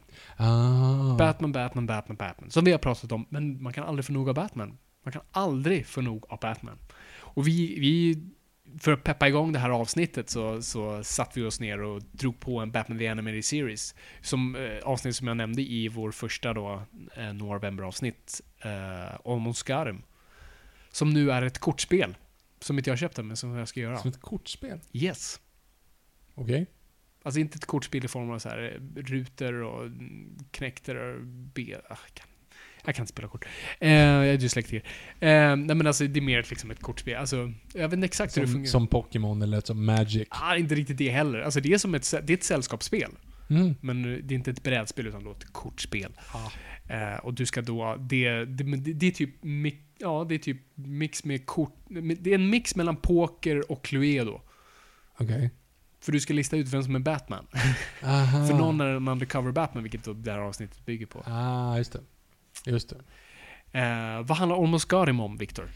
Det sitter eh, massa skurkar runt ett bord och spelar poker. Och eh, någon råkar säga då att eh, ah, jag tog nästan Batman för ett tag sedan. Och den andra säger, ja men du, jag hade en, har en mycket coolare story hur jag fick Batman. Nej, jag har en coolare story. Nej, jag har en coolare story. Och sen börjar alla berätta sin story när de nästan tog koll på The Bat. Precis. Man. Almost Gorim. Och då är det ju då Killer Croc, Jokern, eh, The Penguin, Two-Face och Poison Ivy. Mhm. Som sitter runt ett bord Och bara berätta sina och drar rövarhistorier. Jag tycker det, det, det är lite corny saker i den. Just att så här, Penguins historia handlar om hur han nästan lyckades döda dem med kolibrier. Men Den, den, är- den är sådär faktiskt. med giftiga kolibrier. Giftiga kolibrier. Han sprutade en, ehm, en, en nektarsaft på Batman med sitt paraply. Och sen Mm. så släppte han loss kolibrier då som är så här, hade näbbarna dopp, doppade i gift. Ja. Så att de skulle jaga, de jagar honom. Så Batman blir jagad av kolibrier.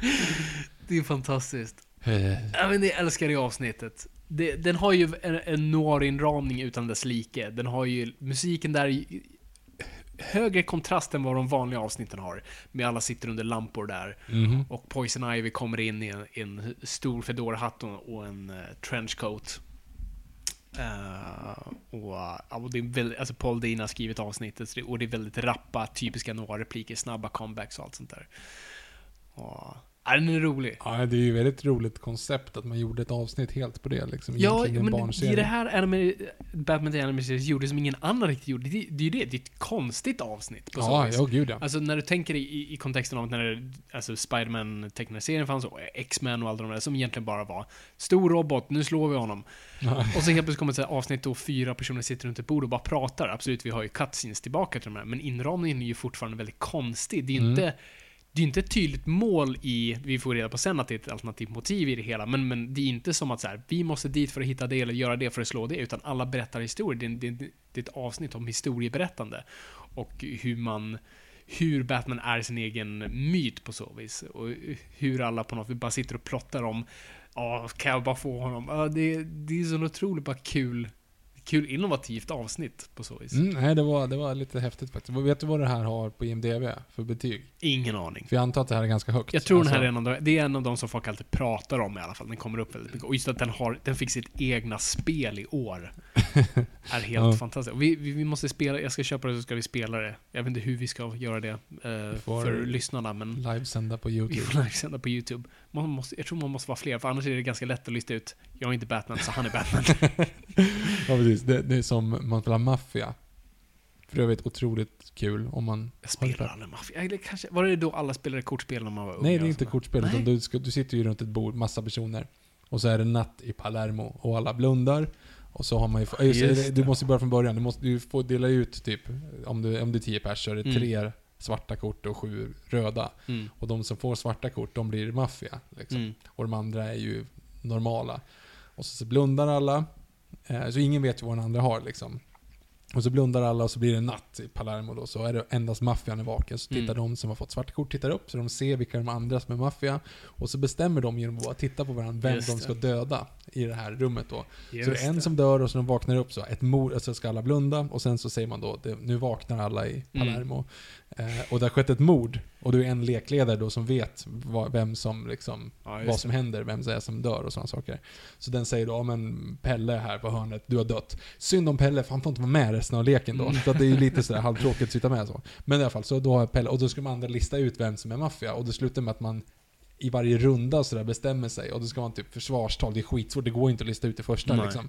Och så säger man då så här, men jag tror Fabian, ja men jag tror, och så röstar alla då. Och då röstar ju också Ja, de som är det. maffian, men man måste ju liksom försöka få Ja, och inte det. sticka ut. Eh, och så röstar man ut någon och så här, Fabian du är utröstad, är du, eh, du blev offrad, så här, Mm. är du maffia? Ja men det är jag. Bra, då har man tagit en av maffian. Ja. Vad är det om Eh, man säger nej? Dör alla de som gissar Nej, honom nej, nej. Då, då, dö- råkar man döda en oskyldig. Och sen så blir det ju Ja, natt igen i Palermo. Mm. Och sen så slutar det med att maffian, har man otur, Mm. då är det ju lika många maffia som, som eh, civila. Då Mm. kan man ju liksom, om, då kan ju maffian gå ihop och liksom vet, rösta ut dem. Då kan man ju bara peka lista, ja precis. Och det räcker ju med, för det är det, man måste konspirera utan att det märks. Ja, det är ju exakt. jävligt intressant rent psykologiskt då. Ja, för att då verkligen. är det ju så att de som vet att de är maffia, de vet att de andra också är maffia. Så de vet att om det är för många, jag kan inte bara rösta på de som är maffia. För då, då åker ju de ut. Och då, Ja. det blir ju jättekonstigt liksom. Mm. Och framförallt sen när man får reda på att en är maffia och de andra inte röstar på dem, då kan man ju verkligen säga Men ni röstar inte, varför röstar ni inte nu ut Pelle? Han är så här. Nej, det, det är bra. Ja. Det är jävligt kul. Det är jävligt måste kul, vara jag kommer ihåg det där. Det gjorde man ju mycket. Ja, men man måste vara ganska många. Ja, jag gick ju dramaklass, man körde oftast den där grejen. Mm. Som en liten sån här uppvärmningslek. Och man får verkligen panik, du vet man börjar bli, man börjar bli oskyldigt Ja. dömd. Och, man, och då hakar alltid maffian hakar alltid på då. Det räcker med att en idiot nominerar Ja. en liksom. Så bara, nej, nej, nej, nej, men sluta, ni förstår ju, de som håller på här, det är de som är. Och så åker man ju dit. Och då får man Ja. inte säga någonting efter. Och sen när man har åkt ut och natt, och det liksom, du vet såhär, natt i Palermo, tittar alla upp och då är man, man ute får man ju se. Så bara, vad fan, jävlar! Så man ser man vilka som är som har konspirerat hela tiden. Ja. Nej, det är väldigt roligt. ja, det är fantastiskt. Fast man måste vara väldigt många personer och man måste ha väldigt mycket tid. Yes. Men det är inte därför vi är här. Det är inte därför vi är här. Nu är vi här för att prata, vi är här för att prata Batman. Eh, alltså Batman är ju en klassisk noir, noir-karaktär. Han funkar ju så otroligt bra. Alltså, han föds ju rätt tid. Han föds ju 1939 eh, i Detective Comics av en person som, ja, delvis då med eh, Bob Kane, men som, som älskar filmer och influeras väldigt mycket av det. Han är insp- inspirerad av klassisk noir-karaktär, The Shadow. Eh, och du har ju här en, igen en dödsdömd karaktär i form av att han kommer göra det här tills han dör. Och om han dör på kuppen så har han vunnit på något vis. Om man är tröttnar och går i exil i åtta år. Käften! Ehm, och, och, eh, ja, och han har en... Eh, liksom, han narraterar alltid sina egna stories, han är en mörk karaktär som, som, som är dyster. Han har fanfataller överallt runt omkring sig, framförallt i form av Catwoman. Eh, en, eh, en karaktär som står på verkligen den gråa linjen, och ont och gott. Oavsett vad kommer hon alltid agera i sitt självintresse. Hon är alltid på gränsen till att bli Batmans död när han involverar sig för mycket i henne. Ehm, och du har staden som reflekterar honom och den mörka stora staden han kan på något sätt gömma sig i och vara anonym i. Alltså du har så många komponenter där och det är därför han oftast används i, i bra stories som jag tycker sammanfattar liksom, som är bra noir-stories. Alltså de bästa är ju typ noir-stories. Uh, eh, ja, tycker jag. Så har du ett eh, tips på Jag har en massa- story jag har massa som är tips här. Ja, jag, tänker, jag undrar om vilket håll vi ska gå. Alltså det finns ju de uppenbara. Alltså, jag tror, alltså Batman Year One är jättenoirig på sitt sätt. Alltså du har nästan alla komponenter där av det. Den, det enda som skiljer, den är två delar. Vi följer både eh, Commissioner Gordon, som då inte är Commissioner Gordon. Eh, Är han inte Commissioner Gordon? jag tror han är Captain Gordon då, för han har inte fått Aha. befordrad den. Eh, då är det Commissioner Loeb. Det är ju ungefär som Batman Begins för de två är ju väldigt lika. Ehm, och så du följer hans story parallellt och han har ju precis kommit till Gotham från Chicago tror jag där. Och eh, så du följer hans story och han introduceras till det korrupta polissystemet. Precis som det är i tv-serien Gotham.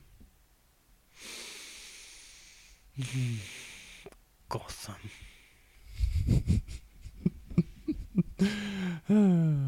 Ja. Oh, sorglig historia. Eh, så du har hans story och sen har du Bruce Wayne story som också öppnar med att han precis kommer hem. Och, eh, och jag tycker framförallt hans story är ju väldigt nårig. Hur en person nästan har en dödslängtan. Eh, och bara kommer på något sätt bli besatt. Eh, och det reflekteras ju också väldigt bra i Dark Knight Returns. är också typiskt noir i den. För här har du verkligen en dödskaraktär. karaktär. Han, han vill typ dö. Han vill gå ner i, i eld. Och få bara liksom få a good death är ju mantrat i, i den storyn. Mm. Och där har du också, precis som Gero, alltså konspira- som vi pratade om i noir den konspiratoriska känslan av att allt, eh, systemet är korrupt, allt är emot dig. Eh, det finns ingen du kan lita på än dig själv. Och eh, du kommer dras ner i helvetet oavsett vad du gör. Rätt eller fel beslut blir alltid fel beslut. Eh, så de två, definitivt rakt upp och ner noir stories. Men det går lite så goes without saying, tycker jag. Eh, men sen, sen tror jag när vi pratade... vad, vad tycker du om till exempel eh, Long Halloween? Long Halloween gillade jag jättemycket. Jag vet inte riktigt om man ska se den som en noir kanske. Det, det känns som att det är...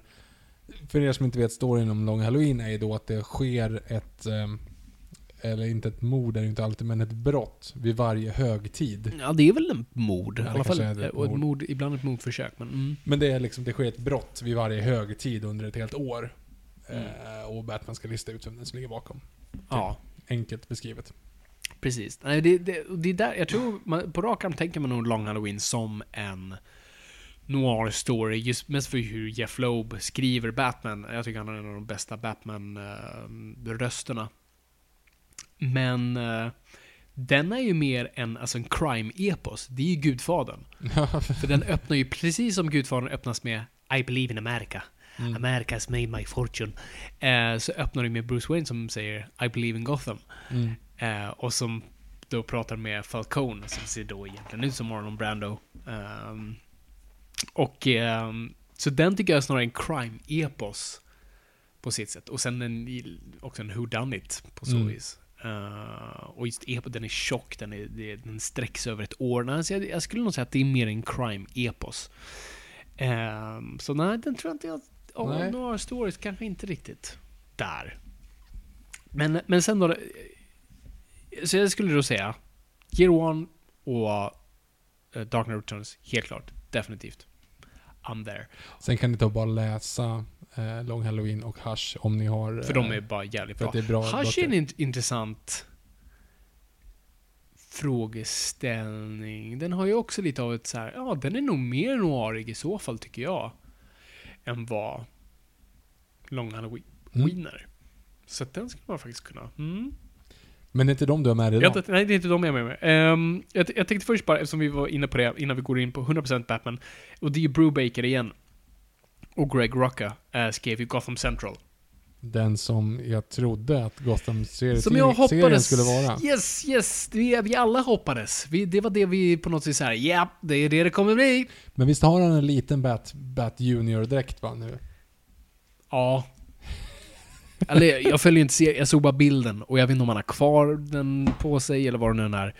Men Det såg för taskigt ut. Ja, men det är ju värre än Smallville. Alltså i Smallville hade han i alla fall inte ens Superman-kostymen. Och när han väl tog på sig Superman-kostym, vilket är de sista sekunderna i sista avsnittet på sista säsongen. Det är ju typ den från Superman Returns, så den ser ju Mm. bra ut. Så det är inte så här, alltså men, men lik, att, jämförelsen är att han skulle ju bara, som vi alla gjorde, bara tog handduken från tvättstället och satte Ja. en klädnypa runt oss. Det är ungefär det Bruce Wayne har, på ett väldigt ocharmigt sätt. Som de hade kunnat göra så jävla snyggt i eh, Man of Steel va? Alltså att man Ehm, tänker att det är någon som, ett liten pojke som försöker härma Superman, Mm. men det visar sig att det är en ung Clark Kent, vilket blir dumt. Ja, Det är dumt. väldigt dumt. Nej, låt oss inte prata mer om det. Ehm, Gotham. Gotham Central heter den, inte för guds skull inte Gotham. Ehm, då skriven av Ed Brubaker och Greg Rucka, illustrerad av eh, Michael Lark, som är väldigt lik eh, Sean Phillips på vissa sätt, men jag älskar Michael Lark. Ehm, och det, det var i stort sett, deras premiss var ju, alltså de ville göra en sån här riktig, vad hette de där? En, inte NCIS, nej, så här, inte Boston Legal heller, det fanns de där andra, vad fan hette de? Scrubs. Nej okej, skitsamma. De vill göra sån här procedural drama, alltså så här polisserie med hårdkokta lokalpoliser i en stad. Det råkar bara vara Gotham. Eh, och det här var då i en del av kontinuiteten då eh, Commissioner Gordon är borta. Eh, han är inte Commissioner längre utan någon annan. Eh, så att nästan alla Batman-kopplingar är i stort sett borta. Och vi börjar storyn med vanliga poliser som har fått ett tips om ett brott som begås någonstans eh, och ska då bryta sig in. Och det visar sig när de öppnar dörren så är Mr. Freeze där. Mhm. Eh, och, här, och en av snubbarna blir då träffad av hans då iskanon. Och eh, dör tragiskt. Alltså den här har ju en helt annan verklighet till sig och så här, konsekvenser och någon får en liksom, ja, får sitt, sitt öra avhugget i stort sett. Nej men och det, det var lite så den här serien var utformad. De vill egentligen bara berätta så här, vanliga polisstories. Eh, så det är inte alltid superskurkar, det är det som är kul. Ibland är det bara vanliga intriger och vanliga brott som begås. Och Batman är sällan med, vilket det var så coolt med den. Batman, och när varje gång Batman visas så visas han ur perspektivet av polisen, vilket han oftast är en skugga. Eller står bakom någonting. Han visar sig aldrig nästan 100%. Vilket eh, bara gör det ascoolt. Um, och, det, det, och så eftersom det är alltså, ett Brubaker så är det så noirigt. Det, det är noir-berättat på så vis. Och de använder sig av olika berättartekniker och olika perspektiv i olika stories. Ibland använder, alltså de har en av de bästa Joker-storyna i, i sig, eh, som Dark Knight drog väldigt mycket eh, referenser från. Och, eh, så, så, så en Batman-story utan Batman. Men eh, helt fantastisk. Har ni inte kollat in Gotham Central? Kolla upp det. We, I will. Yes. Sen skulle jag vilja dra en av mina absoluta favorit Batman-stories som inte heller har Batman i sig. Okej. Eh, det här är då från, eh, man gjorde en sån här eh, anthology-serie som heter Batman Black and White. Där man... Den heter Batman men innehåller inte Batman. Ja, jo, alltså så här. Det, jag kommer till det. Alltså, eh, så Batman Black and White var nog en, en anthology series där man där olika kreatörer, både författare och illustratörer, fick eh, bara göra vad de vill, ville med karaktären, men i så här korta mini-stories. Och så samlar man det i en tidning och sen flera volymer. Och eh, du fick bara göra i stort sett vad du ville med det. Um, och en av dem då i, i den första volymen tycker jag är en av de absolut bästa Batman-storyna och det var Bruce Tim. Alltså Batman The Enemy Series-killen. Som, uh, som då gjorde en serie som heter Two of a Kind. Eh, som inte har, jag tror Batman dyker upp två gånger också bara i bakgrunden. Mhm. Det är en two-face story. Okej. Nu visar jag den här, du känner igen, det ser ju Ja, exakt det ut som Batman The Enemy Series. serien. Ja, ja. Och, det, och alla de här utspelar sig inte i kontinuitet, så det är Elseworlds eller vad man nu vill kalla det. Det är bara som sina små vakuum-stories. Så det här handlar om Two-Face. Vi möter honom precis efter då vi får reda på att en, en läkare har kommit på någon, någon tydligen superteknik att bota kriminella. Mhm. Så han har fått en eh, skönhetsoperation och men också blivit coachad rent emotionellt. Så han är då, han blir friskförklarad på första sidan i stort sett. Nu Mm. är han inte Two-Face längre, han är Harvey Dent. Eh, han kommer tillbaka till livet, han får ett så här, mindre jobb, såklart vill inte distriktåklagaren har någonting med honom att göra. Han är ju trots allt en mördare. Men eh, han, eh, han får ändå ett så här litet jobb och han liksom börjar se sitt liv komma tillbaka. Bruce Wayne är hans kompis igen och Bruce Wayne tror på honom. Eh, och han, är då tills- han blir då tillsammans framförallt med sin läkare. Eh, en otroligt vacker kvinna. Men så en dag får han reda på, eller så, så, så möts då det här nya kärleksparet av eh, den här läkarens tvillingsyster. Då börjar dualiteten komma. Mm. Och hon är en klassisk fan fatale karaktär som börjar dra ner Harvey Dent tillbaka till Skurkeriet. Eh, yes. Och den är alltså, den, är, den kan inte vara mer än fem, vad kan jag säga? Den, det står, det är, den är åtta sidor. Oj, det var inte mycket. Den är skitkort. Men det är som, alltså det är som en bra saftig novell. Alltså bara en kort story. En kort film. Eh, som berättar en story skit, här, snabbt, effektivt, bra bara. Och som du ser här, den har ju klassiska noir Hoppla. den är ju svartvit. Uh, så den har ju klassisk bara noir eh, gestaltningar och bilder och Bruce Timms stil uh, eh, lånar sig själv väldigt bra till den.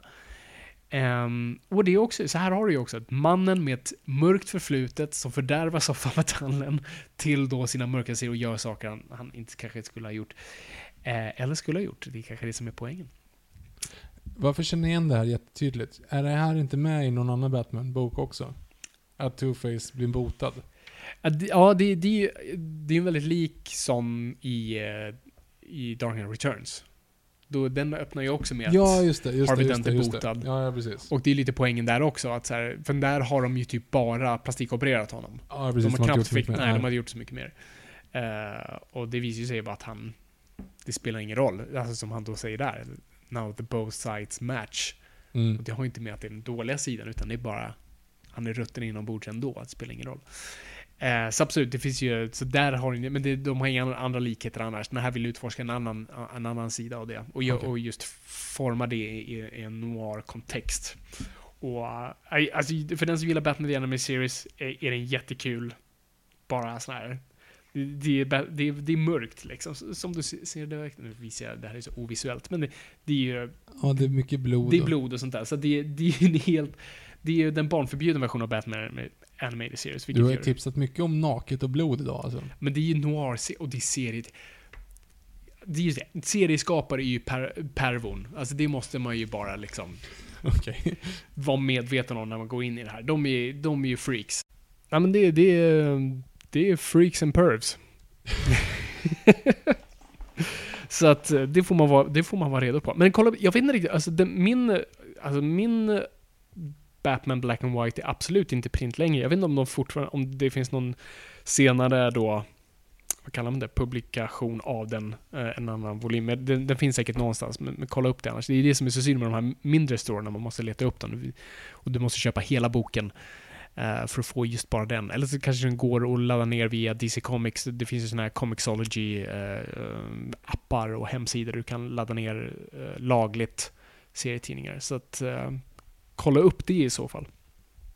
Ja. Men sen skulle jag bara vilja prata, alltså eftersom vi pratar om Batman, vi pratar om Noir, så, så, så släpptes det faktiskt en, en, en samlad volym som hette Batman Noir. Okej. Så jag tänkte att oavsett vad är det ju kanske bra att bara prata om det. Och det är då en, eh, en volym av samlade stories med, igen då, Brian Azzarello och eh, Eduardo Rizzo.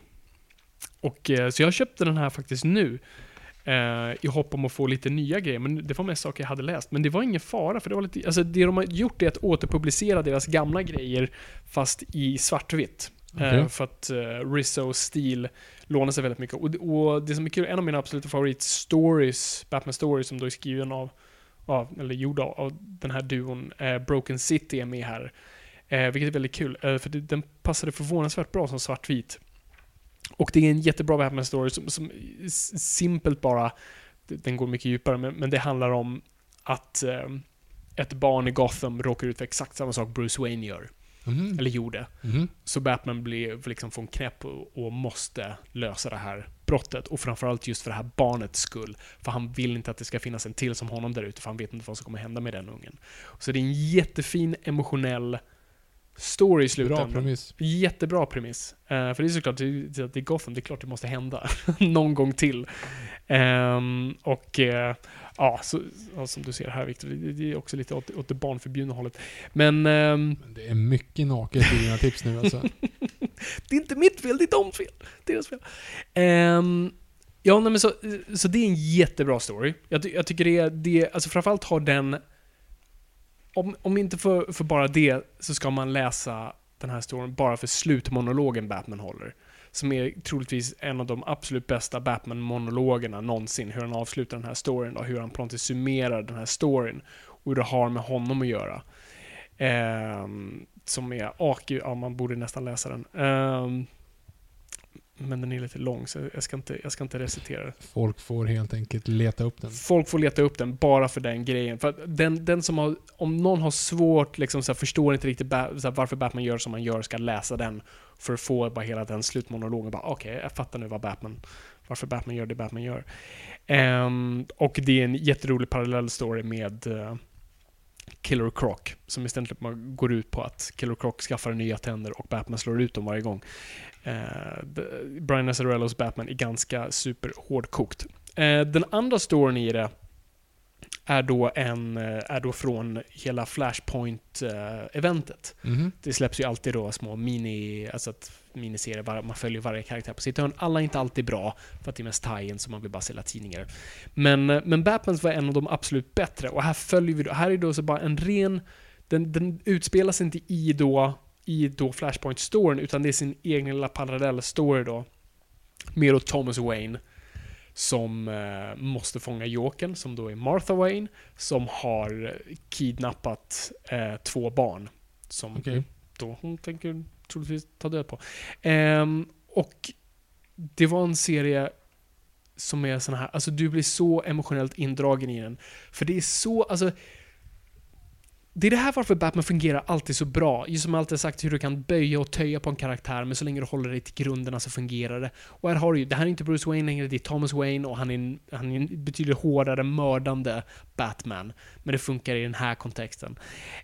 Um, och du har en annorlunda Joker och sånt där. Men, och, men du har alla originalkomponenter. Du har just den här förlusten som, som är så stort i, i vilken Batman den är, så är det just den förlusten som spelar så pass stor roll. Och det här är en story som nästan får dig att gråta just när vi kommer till klimaxet, när i stort sett... För det som är så fint är ju att Martha och Thomas har ju den här förlusten gemensamt. Och det är någonting de måste konfrontera tillsammans, trots att de har helt, man tror att de har helt olika synpunkter på, på saker och ting och de den ena vill mörda barnen, den andra vill rädda dem. Men, men när de kommer ihop så handlar det om att bearbeta det här traumat tillsammans. Ehm, och när... Och det finns en... Ja, jag vill nästan inte avslöja det, men det finns... Det här är ju då... då så eh, vår Thomas Wayne har ju träffat Bruce Wayne då, den riktiga Batman i ett parallellt universum. Ah. Och ska berätta det här för... Ja, nej, jag ska inte säga något. Det är en jättebra story. Ehm, det, det är en sån här bara, otroligt bara saftig Elseworlds som fungerar något ofantligt bra. Uh, och, mm. Nej, så, så kolla upp det. Och sen har den två pyttemini-stories uh, eh, som, som uh, omringar då den här boken. Jag tycker det är... Kolla upp den. Som sagt, alltså de, de går ju att ta, få tag på andra tal. Men det är kul med en sån här samlarvolym. Så om ni inte har läst Broken City, ja men då kanske ni ska läsa den i det här formatet. Om ni gillar den stilen, den här väldigt kontrastfyllda svartvita. Ehm, det, det, det kan vara jobbigt att läsa ibland för vissa vet jag. För Broken City, om du bara köper den rakt av, är i färg. Så, att, eh, så det är Batman Noir, för den som är intresserad. Vilket fullspäckat tipsavsnitt får vi. Det var de jag hade. Som sagt, alltså nästan alla Batman stories är noir stories. Eh, men här drog jag några, lite de man kanske missar i, i höjden av de, då, liksom, de, de stora breda. Men vill man ha liksom, sin Dark Knight Returns och, och Gear One, ja de finns där. Och de, är du intresserad så har du antingen läst dem eller så är det det första du plockar upp. Så att, men det här är lite mer för de som vill gå lite djupare. Mm. Ho, det var det. Så är det. Så, så vad skulle jag tipsa om? Allt. Alltså allt jag har dragit här är egentligen tips. Vi kan ju summera vad vi har pratat om i alla fall då. Ja, så, så vilka har vi nämnt då här? Vi har nämnt Fatal av Ed Brubaker och eh, Sean Phillips. 100 Bullets av eh, Brian Azzarello och Eduardo Rizzo. Eh, Jessica Jones av Brian Michael eh, Bendis och, eh, nu kommer jag inte ihåg vad han heter i förnamn, men Gados heter han i, i efternamn, illustratören. Vi har pratat eh, Iron Man Noir av då Scott Snyder. Eh, Sin City, Frank Miller. Och sen har vi eh, Gotham Central, eh, Ed Brubaker, eh, Greg Rucka. Batman Black and White. Det här är då ingår i volym nummer ett. Om ni då kan hitta den. Så den kanske finns, jag bara vet inte om den inte finns. Eh, och sen Batman Noir av Eduardo Rizzo och Brian Azzarello. Trevligt. Det, det var dem. Det var dem. I, i, vad är du med om när du har hört alla de här grejerna, Victor? Nej, vad, men det är vad, nog vad, här, vad skulle jag vilja läsa nu? Batman Noir ja, hookar du med lite grann på. Mm. Så den ska jag väl kanske då om jag får välja. Ja, Till nästa. Det, Till nästa år. till nästa år. Ja, men det är ett bra val. Mm. Ehm, har jag missat något? Troligtvis. Hör av er på Hashtag Norrpå. Vilka era så här, eh, noir-favoriter som, som jag kan ha missat och som jag kanske inte har läst, som ni kanske såhär, gå kolla in den där. Eh, annars, gå till Comics Heaven som vi alltid säger. Inte för att vi är sponsrade utan Vi bara för att sponsrade, alltid är vi, där. vi tycker om dem så mycket. Eh, så det, det, det vill jag tipsa om. Eh, och det är det, vi har inget annat att plugga va? Nej, inte så. Följ oss på Instagram och eh, Twitter på hashtag NOJPOD. Finns också separat på Engberg Viktor, eller Viktor Engberg, tror jag. Jag kommer inte ihåg. Och Viktor är alltid. Sök på hashtag NOJPOD, Noipod, så hittar du det. Yes. Och Fabian Nordlander. Mm, precis. Ja, så det är det. Så är det. Vi ses nästa vecka. Just det, för du är en specialare. Då är en specialare. Eh, nu är november slut, Viktor. Det är sjukt. Vilken pust. Vilken skön pust. Det är, ja, men det, hoppas att ni har varit nöjda med November. Ni får gärna höra av er också där och liksom säga, känna att oh shit, en, en temamånad, det var kul. ja, exakt. Och har ni kollat på någonting? Är det, det något ni såg från förra veckan så vi vill vi jättegärna höra om det. Ja, Eh, faktiskt. För det vore kul. Eh, och sen, gillade ni ens att ha en temamånad? Tyckt, eller tyckte ni bara det blev för, för, mörkt. enspårigt och för mörkt? Ehm, hör av er. Vad vill ni ha för avsnitt? Det är alltid bra att ge oss tips. För ibland glömmer vi saker och era tips, vi, vi tar dem till, till åtanke. Alla kanske inte kommer med, men det är alltid bra att höra dem. För ibland hör man något som bara, ah, just det. Ibland har vi till och med gjort Det här veckan är ju efter. tips. Det är, ju tips. det är från Sara dock. Ja, jo, men tips är alltid tips. Men ibland har vi ju faktiskt gjort, typ veckan efter vi fick det tipset, gjorde vi det avsnittet. Så Mm. att det är alltid välkommet. Oh ja, Så ja, ska vi bomma igen det här då? det gör vi. Tack så jättemycket för att ni har lyssnat och det är kul att vara lyssnat. Men kom ihåg gott folk, ingenting är för nördigt.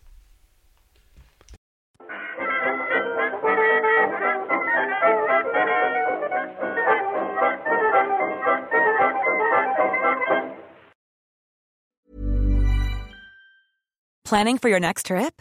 Elevate your travel style with Quince. Quince has all the jet setting essentials you'll want for your next getaway, like European linen, premium luggage options, buttery soft Italian leather bags, and so much more. And is all priced at 50 to 80% less than similar brands.